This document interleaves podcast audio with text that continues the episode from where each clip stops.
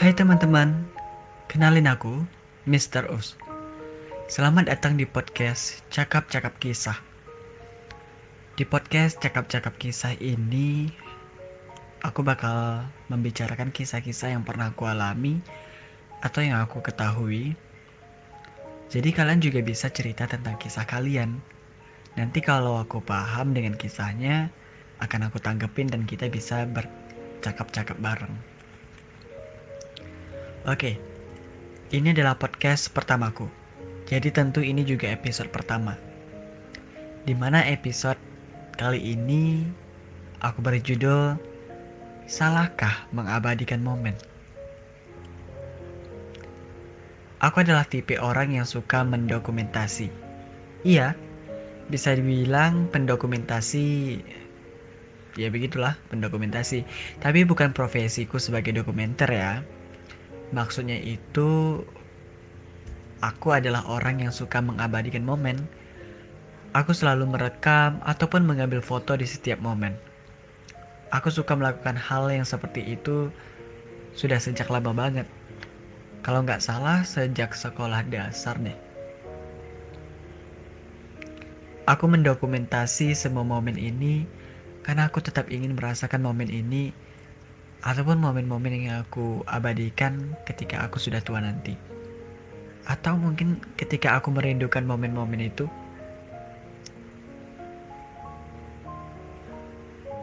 Aku pernah baca di Instagram sebuah postingan yang berisikan kalimat yang seperti ini.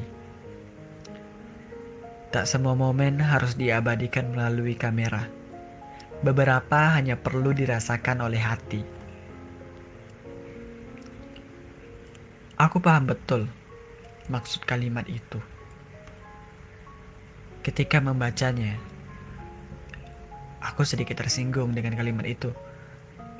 Karena aku pernah mendengar sendiri dengan telingaku kalau temanku pernah ngomong, "Udahlah, jangan foto-foto, muak." Sakit hati? Enggak terlalu sih. Malu lumayan. Sedih banget. Buat apa juga sakit hati gitu kan? Lagian namanya juga teman karakter orang juga berbeda-beda. Aku juga nggak bisa memaksakan dia harus ngikutin apa yang aku mau. Harus begini harus begitu. Ya kan? Dia punya haknya juga Malu. Sedikit sih. Karena malu aja gitu dengan kepribadian aku ini yang bentar-bentar foto, dikit-dikit video, apa-apa dikamerain. Tapi kalian jangan salah paham dulu. Aku bilang kayak gitu bukan berarti semenit, dua menit, 30 menit atau sejam sekali harus foto gitu bukan. Maksudnya itu ya paling tidak di akhir momen atau sebelum pulang foto dulu lah. Terus pas lagi ngumpul aku video atau instastoryin. Wajar gak sih? Ya wajar mungkin menurutku. Sedih? Ya sedih lah. Karena aku gak dapat menyimpan momennya. Oke. Okay balik lagi pada prinsip orang yang tak semua momen harus diabadikan melalui kamera. Beberapa hanya perlu dirasakan oleh hati. Aku katakan sekali lagi, aku paham betul apa maksud dari kalimat itu. Memang tak begitu penting harus diabadikan dengan kamera tapi menurutku, atau mungkin ada dari kalian yang juga sama kayak aku, yang menganggap hal itu sangat-sangat penting untuk diabadikan. Ya kan, aku melakukan itu juga punya alasan-alasan. Yaitu pertama, pengen menyimpan momen itu dalam bentuk foto atau video. Kedua, aku pengen bisa mengulang momen itu walau hanya lewat gambar ataupun video. Dan ketiga, karena aku tahu aku tahu nantinya bahwa aku pernah kenal dan dekat dengan orang seperti kalian. Siapa kalian? Ya teman-temanku lah. Aku menyimpan momen itu melalui foto dan video bukan berarti aku tak pernah merasakan momen-momen itu dengan hati dan perasaan.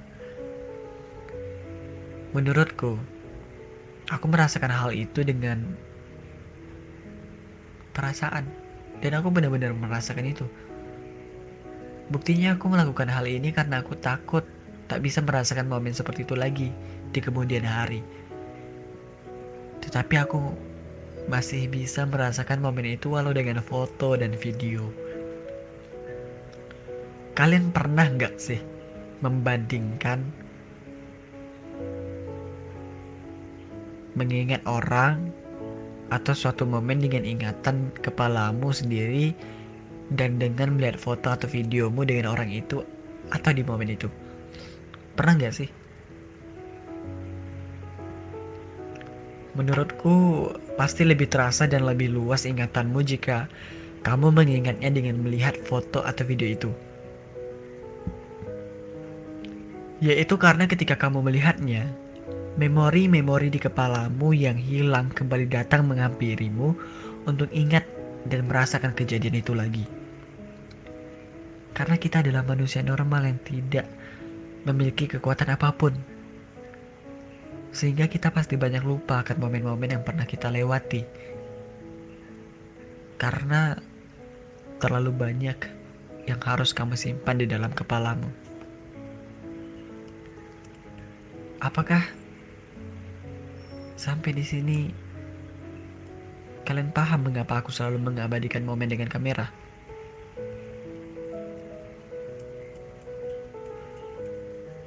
Bukan berarti aku tidak berperasaan tapi aku sangat berperasaan karena jika sudah waktunya aku tidak bertemu dengan teman-temanku, sudah waktunya berpisah atau harus kehilangan mereka, aku akan bangga dan menunjukkan bahwa mereka pernah menjadi bagian dari hidupku. Dan mereka pernah rela untuk membagi waktunya atau sebagian hidupnya untukku. Hanya untuk membuat hidupku berpengalaman bertemu dengan orang hebat dan karakter-karakter yang luar biasa beragam. Bahkan jika mereka masih tetap ada di hari tua aku, dengan kondisi tua dan pelupa, aku masih bisa melihat momen-momen itu dan kembali ingat dengan teman-temanku kemudian dapat bertemu serta bercanda tawa dengan mereka lagi. Kemudian bercerita tentang indahnya dunia pertemanan yang kadang bisa membuat pertemanan itu seperti rumah, senja, langit, ataupun gunung. Terakhir, sebelum aku menutup podcast cakap-cakap kisah ini, beberapa orang juga ada yang mengatakan kalau aku mengabadikan momen-momen ini dan menguploadnya ke media sosial itu hanya untuk pamer hanya untuk pamer saja. Jujur, aku tidak pernah terniat dan tertuju pada itu sama sekali. Aku hanya bangga jika bersama kalian aku bisa tersenyum, tertawa, dan kalian itu seasik itu.